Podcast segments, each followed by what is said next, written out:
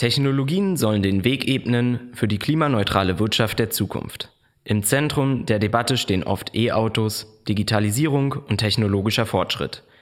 Dabei wird vergessen, dass Lösungen, die nur auf Technologien setzen, unseren Bedarf an metallischen Rohstoffen steigern.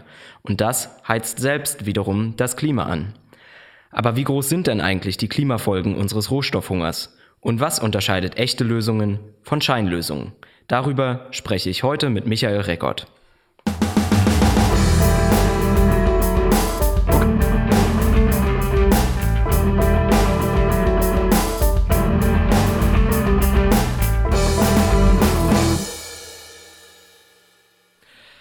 Hallo und ganz herzlich willkommen bei Kompass Weltwirtschaft, dem Podcast von PowerShift, bei dem wir regelmäßig über zentrale Probleme unserer ungerechten Weltwirtschaft sprechen. Mein Name ist Jeremy Österreich und ich freue mich sehr, dass ihr heute dabei seid und eingeschaltet habt und uns zuhört. PowerShift ist eine deutsche Nichtregierungsorganisation. Wir setzen uns ein für eine sozial und ökologisch gerechtere Weltwirtschaft. Unsere Arbeit wird dabei natürlich nur möglich gemacht durch eure Spenden. Deswegen nochmal ein ganz herzliches Dankeschön an alle, die äh, schon auf dem einen oder anderen Wege mitmachen. Und wenn ihr heute nach dem Hören dieses Podcasts denkt, das ist ein wichtiges Thema, das ist auf jeden Fall unterstützenswert, dann findet ihr den Link zu unserem Spendenformular unten in den Show Notes unter diesem Podcast. Vielen Dank. Falls ihr Fragen oder Anregungen zum Podcast habt, falls ihr Ideen habt oder auch nochmal was näher wissen wollt, dann schreibt uns gerne eine E-Mail an podcast.power-shift.de. Ich spreche heute mit Michael Reckert aus dem Team Rohstoffpolitik. Michael arbeitet seit über acht Jahren zu den Folgen von Bergbau und der Produktion von Metallen und hat in der Zeit auch schon einiges gesehen und erlebt. Und deswegen bin ich sehr froh, dass wir heute gemeinsam über die Klimafolgen unseres Rohstoffverbrauchs sprechen. Hallo Michael. Hallo Jerry, ich freue mich. Micha, wir fangen ja jetzt immer mit einer kleinen persönlichen Frage hier bei Kompass Weltwirtschaft an und weil wir über die Klimafolgen von Rohstoffverbrauch sprechen und du dich ja auch eine ganze Weile schon mit Rohstofffragen beschäftigst, habe ich mich gefragt, warst du denn eigentlich auch schon mal in einer Mine? Hast du eine Mine schon mal von innen gesehen? Ja, ich war schon mal in einem äh, sehr engen Stollen, aber das vielleicht für heute am passendsten Beispiel ist, ähm, dass mich mal ein Gewerkschaftler um das Jahr 2010 auf dem Rückbank seines Jeeps in eine offenen Tagebau geschmuggelt hat, um mir zu zeigen, was ihn dort vor Ort stört. Und das war die äh, toxische Kohleasche aus einem benachbarten Kohlekraftwerk, was dort einfach in einem der Löcher, die noch frei waren, sozusagen verklappt worden ist. Ich weiß leider nicht, was aus dem Fall geworden ist und ob unsere lokalen Partner dem noch nachgegangen sind, aber für den Gewerkschaftler war das auch eine der großen Sauereien, die da so nebenbei passiert sind. Ja, nachvollziehbar. Micha, bevor wir wirklich einsteigen mit den Klimafolgen unseres Rohstoffverbrauchs, habe ich mich gefragt, ob du uns noch mal kurz einen Überblick geben könntest, noch mal kurz ein Bild zeichnen davon, wie sieht denn eigentlich der aktuelle Rohstoffabbau und Verbrauch weltweit aus? Ja, ich meine, lass uns direkt über Deutschland sprechen, weil wir sind einer der größten Verbraucher. Bei vielen metallischen Rohstoffen sind wir in den Top 5 oder Top 7, äh, sei es Nickel, sei es Kupfer, seien es andere Rohstoffe. Das liegt daran an unserer Industriestruktur. Wir bauen schwere Autos, große Maschinen, Chemieprodukte, Rüstungsgüter und diese brauchen fast alle metallische Rohstoffe. Und zu 99,7 Prozent kommen diese metallischen Rohstoffe aus Ländern des globalen Südens oder Schwellenländern ähm, wie China. Und vor Ort ähm, sind viele Bergbauprojekte verbunden mit Menschenrechtsverletzungen. Das können kleinere Konflikte über fruchtbares Land sein, das kann ein Wassernutzungskonflikt sein, das kann aber auch sein Niederschlagung von Protesten, äh, Morde an politischen Aktivistinnen etc. Global Witness hat in einem Bericht über Umweltmenschenrechtsverteidigerinnen äh, festgestellt, dass der Bergbausektor der ist, wo am meisten politisch motivierte Morde passieren beim Umweltschutz. Und ähm, die Tendenz sozusagen von dem Verbrauch von Metallen ist wachsend. Allein in den letzten zehn Jahren ist zum Beispiel der Verbrauch von Metallen pro Kopf äh, um 25 Prozent in Deutschland gestiegen. Okay, und davon jetzt ausgehend, was, was ist erwartbar für die Zukunft? Wie sieht die Zukunft unseres Rohstoffverbrauchs aus?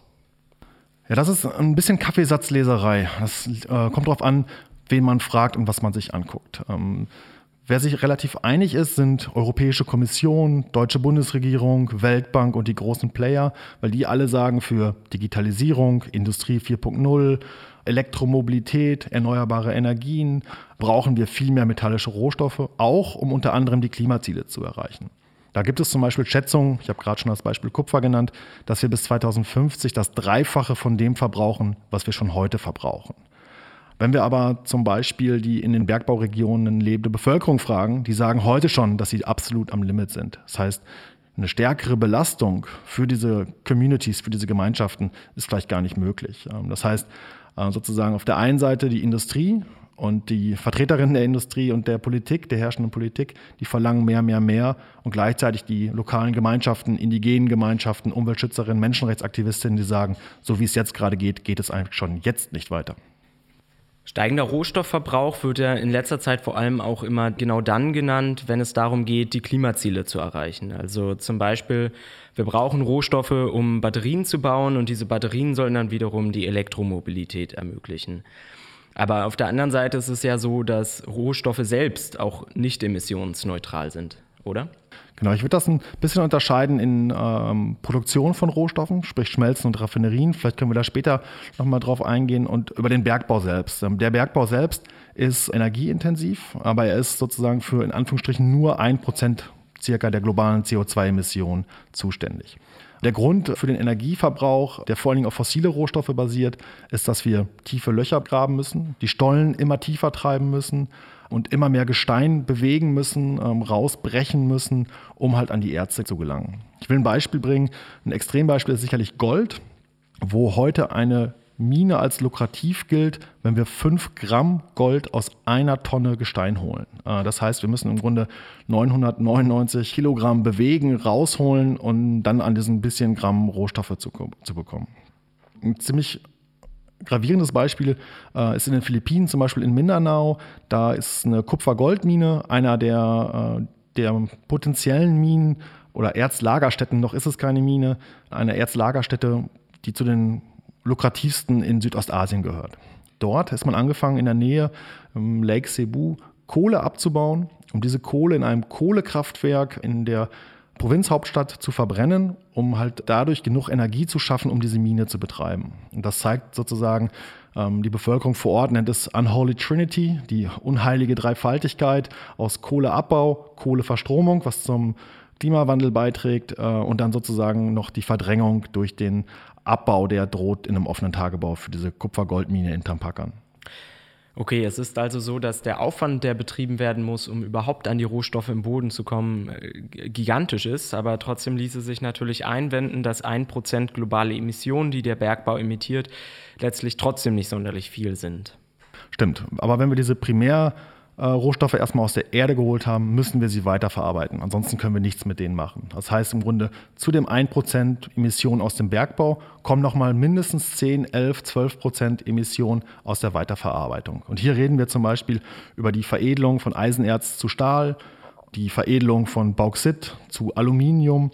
Und ähm, das ist sozusagen sehr emissionsintensiv. Nur ein Beispiel, ein Stahlhochofen wird äh, auf Temperaturen von über 2000 Grad Celsius gefeuert. Wer zu Hause jetzt an seinen Grill denkt, äh, für ein Würstchen oder ein fleischfreies Produkt, reden wir von 150 bis 200 Grad. Also da sind, haben wir eine sehr energieintensive äh, Nutzung, ähm, die im Grunde zwangsläufig hinter dem Bergbau hinterherkommt. Das heißt, wir sind im Grunde bei 10, 12 Prozent CO2-Emissionen durch Abbau und Weiterverarbeitung. Okay, der Abbau und die Weiterverarbeitung von metallischen Rohstoffen sind also verantwortlich für bis zu 12 Prozent der Emissionen. Und da kommt jetzt natürlich noch hinzu, dass der Bergbau selbst auch ein Treiber von Flächenverbrauch ist. Also du hast dir selber mal bei Kompass Weltwirtschaft gesagt, dass der Bergbau nach der Landwirtschaft als der zweitgrößte Treiber der Zerstörung des Regenwaldes gilt. Der Bergbau erzeugt damit also selbst enorme Klimaherausforderungen. Aber das heißt doch, dass Lösungen der Klimakrise nicht nur von Technologien abhängen können, die unseren Rohstoffverbrauch ankurbeln. Ja, richtig. Deswegen halte ich die Prognosen, die ich vorhin genannt habe, von der Europäischen Kommission oder der deutschen Bundesregierung oder der Weltbank, die sozusagen eine Vervielfachung des metallischen Rohstoffverbrauchs äh, predigen, damit wir hier mit E-Autos statt mit Verbrennern fahren können, für nicht zielgerichtet. Und ich befürchte sozusagen genau aus den von dir genannten Gründen, dass die CO2-Emissionen aus dem Bergbau und der Verarbeitung vieles an Fortschritt wieder auffressen werden. Das heißt, es braucht grundlegendere Lösungen als Scheinlösungen. Ja, das sieht auch die AG Klimascheinlösungen so, die aus der Klimagerechtigkeitsbewegung entstanden ist und die in einem Papier 25 solcher Klimascheinlösungen untersucht hat. Ich habe darüber mit Lena gesprochen, die an dem Papier mitgeschrieben hat. Und was genau Klimascheinlösungen sind, das erklärt sie uns jetzt nochmal. Klimascheinlösungen, das sind, wie der Name schon sagt, keine wirklichen Lösungen für die Klimakrise, werden aber als solche präsentiert und die wirken ganz oft als grüne Beruhigungspille im Sinne von, hey, habt keine Angst, wir können noch weiter fossile Brennstoffe verwenden, bis wir eine technische Lösung haben oder wir müssen unsere Lebensweise, unsere Wirtschaftsweise nicht großartig umstellen. Die AG hat dabei 25 solcher Klimascheinlösungen analysiert und in dem Papier zusammengefasst. Das ist tatsächlich auch sehr lesenswert. Wir werden euch das auch in den Show Notes unter diesem Podcast selbstverständlich verlinken. Einige Beispiele solcher Klimascheinlösungen, die darin behandelt werden, sind Atomenergie, Carbon Offsetting oder aber ein Thema, das wir hier auch bei PowerShift behandeln, der Tiefseebergbau. Tiefseebergbau ist auch enthalten in unserem Positionspapier gegen Klimascheinlösungen. Es ist aber eigentlich nicht so richtig eine Klimascheinlösung. Es hängt halt irgendwo damit zusammen, weil unsere Wirtschaft hat einfach einen extrem hohen Materialverbrauch und dieses Material geht uns bald aus und auf dem Meeresboden lagern halt Rohstoffe, zum Beispiel Manganknollen, die Nickel, Kupfer und Kobalt enthalten und die werden für Elektrogeräte und für den Ausbau von erneuerbaren Energien benötigt. Und dieser geplante Abbau auf dem Meeresboden würde allerdings das Ökosystem Ozean extrem schädigen mit unabsehbaren Folgen. Das heißt, es könnte auch zum Beispiel enorme Mengen an Methan plötzlich freigesetzt werden. Das wäre dann der Klima-Super-GAU. Also es hängt zusammen mit Lösungen, die für die Klimakrise vorgeschlagen werden. Ähm, genau, deswegen haben wir das damit reingepackt, weil es einfach super wichtig ist, da zu sagen, nein, es darf keinen Tiefseebergbau geben. Um an dieser Stelle zu ergänzen, Methan ist nicht nur das einzige Risiko und der Tiefseebergbau wird auch sehr energieintensiv sein. Das heißt, man muss mit dem Schiff rausfahren, man muss in mehreren tausend Meter Tiefen unter besonderen Drucksituationen sozusagen diese Knollen, Manganknollen vom Boden rupfen oder irgendwelche Gesteine abschleifen, muss dann das Zeug wieder hoch an Bord des Schiffes pumpen, muss da schon sortieren, sozusagen die Überreste wieder ins Meer pumpen.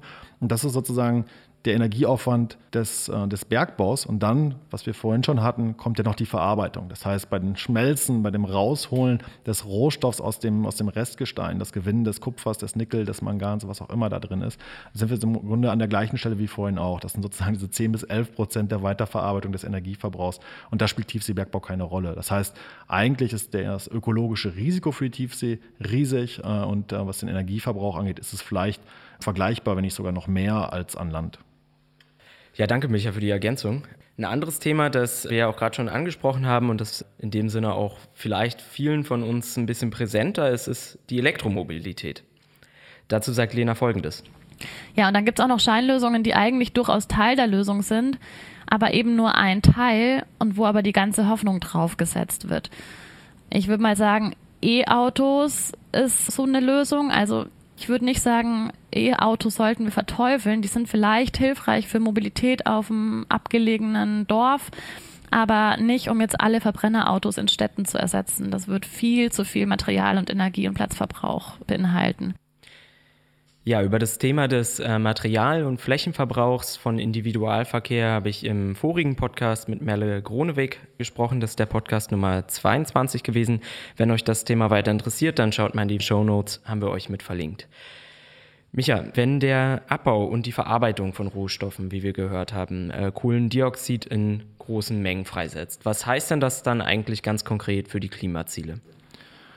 Dazu gibt es leider bisher sehr wenig Forschung. Es gibt eine aktuelle Studie von sechs Wissenschaftlern aus Japan, Australien und Deutschland, die sich mit den Materialströmen und Lebenszyklen von den sechs am meisten genutzten Rohstoffen oder Metallen äh, beschäftigt haben. Das ist Eisen, Bauxit, Kupfer, Zink, Blei und Nickel. Und die kommen zu dem Ergebnis, wenn man das 2-Grad-Ziel, also nicht das 1,5, was wir sozusagen politisch fordern, wenn man das 2-Grad-Ziel erreichen möchte, muss ab 2030 der Bergbau zurückgeschraubt werden, reduziert werden.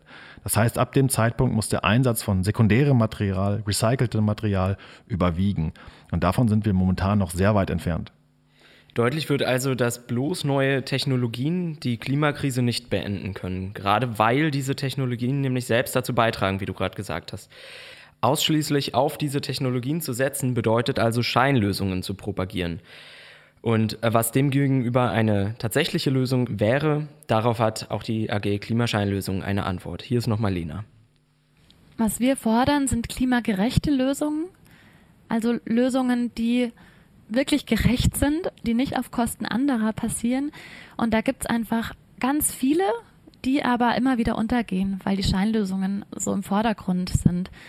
Wir brauchen eine Wirtschaft, die die Grundbedürfnisse aller Menschen befriedigt, statt eben zunehmende Profite für wenige. Ähm, wir brauchen eine Gesellschaft, in der Einkommen und Vermögen gerechter verteilt werden, ähm, in der Menschen auch von unnötiger Arbeit befreit sind, in der in die öffentlichen Güter investiert wird, die die Menschen für ihr Wohlergehen brauchen. Also es ist sozusagen auch eine Welt, die eigentlich mit viel mehr Solidarität und Freiheit auch verbunden ist, wenn wir es gut machen. Ja, Micha, was bedeutet das für den Rohstoffbereich? Eine klimagerechte Lösung im Rohstoffbereich, was wäre das? Also erstmal finde ich es sehr wichtig, was äh, Lena da präsentiert hat. Ich glaube, was wir leisten müssen, ist konsequent Klima- und Rohstoffgerechtigkeit zusammenzudenken. Das heißt zum Beispiel auch zu denken, was kann eine Bergbau- und eine Weiterverarbeitungsindustrie an CO2-Senkungen erreichen und wo muss man sozusagen auch ähm, dafür sorgen, dass einfach weniger verbraucht wird eine Lösung, eine echte Lösung, worauf die sechs Wissenschaftler verweisen, die ich vorhin zitiert habe, ist eine vollumfängliche Kreislaufwirtschaft. Das heißt, Kreislaufwirtschaft und Reduktion, äh, sagen die. Und als PowerShift können wir uns dem nur anschließen. Wir fordern eine Rohstoffwende äh, zusammen mit anderen Organisationen des Arbeitskreises Rohstoffe, die zwei Ziele hatten. Das eine ist sozusagen eine Reduktion unseres absoluten Rohstoffverbrauchs und das andere ist sozusagen ein Ausbau von Kreislaufwirtschaft und sozusagen eine längere Nutzung ähm, von Rohstoffen und eine Weiternutzung und eine Wiedernutzung. Und nur um ein Beispiel zu bringen, was das bedeuten kann. Wenn man zum Beispiel Aluminium recycelt wiederverwendet, braucht man nur 5% des Energieaufwandes. Das ist für viele Produkte problemlos möglich, für einige nicht. Äh, zum Beispiel Kaffee-Alu-Kapseln äh, brauchen primär Bauxit, um produziert zu werden. Da muss man im Grunde auch überlegen, a, kann man die eh schlecht sammeln und recyceln, weil die meisten den mit dem Hausmüll wegwerfen und er sozusagen nicht mehr nutzbar ist. Zum anderen ist das vielleicht auch ein Produkt, wo man darüber nachdenken muss, ob das überhaupt sinnvoll ist und nicht eine absolute Rohstoffverschwendung. Und wo siehst du da strukturelle Gründe, dass Kreislaufwirtschaft noch nicht mehr gemacht wird? Das eine ist, wie gerade schon angedeutet, das Sammeln von Rohstoffen. Das heißt, zu viele von uns sozusagen, die entsorgen ihre Metalle mit dem Hausmüll, sei es indem wir unser Smartphone da reinwerfen, sei es die Kaffeekapseln. Ähm, aber noch viel wichtiger ähm, ist der Hebel des Produktdesigns. Viele Produkte haben metallische Rohstoffe im Nanobereich. Das heißt, da wissen Recyclingunternehmen zum Teil nicht, welche Rohstoffe sind da drin, was kann da rausgeholt werden. Produktpässe könnten da helfen, aber auch Sammelsysteme. Das heißt, man muss sich zusammensetzen und überlegen, wie bekommen wir eigentlich Produkte, die metallhaltig sind, wieder in den Kreislauf. Und zwar so, dass man Rohstoffe wieder rausholen kann und auch wieder nutzen kann. Ja, dann lass uns noch zu einem Gegenargument kommen. Es ließe sich natürlich einwenden, dass der Ausbau von erneuerbaren Energien in dem Sinne auch eine Klimascheinlösung ist. Denn auch der Ausbau von Windenergie und so weiter braucht natürlich Rohstoffe, die abgebaut werden müssen. Was würdest du dem entgegnen?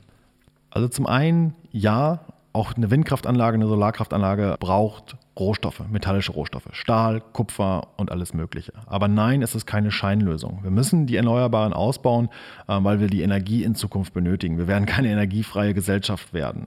Und wir sparen gleichzeitig auch viele, viele Tonnen Kohle und auch Erdöl ein, dass wir nicht mehr in die Luft blasen.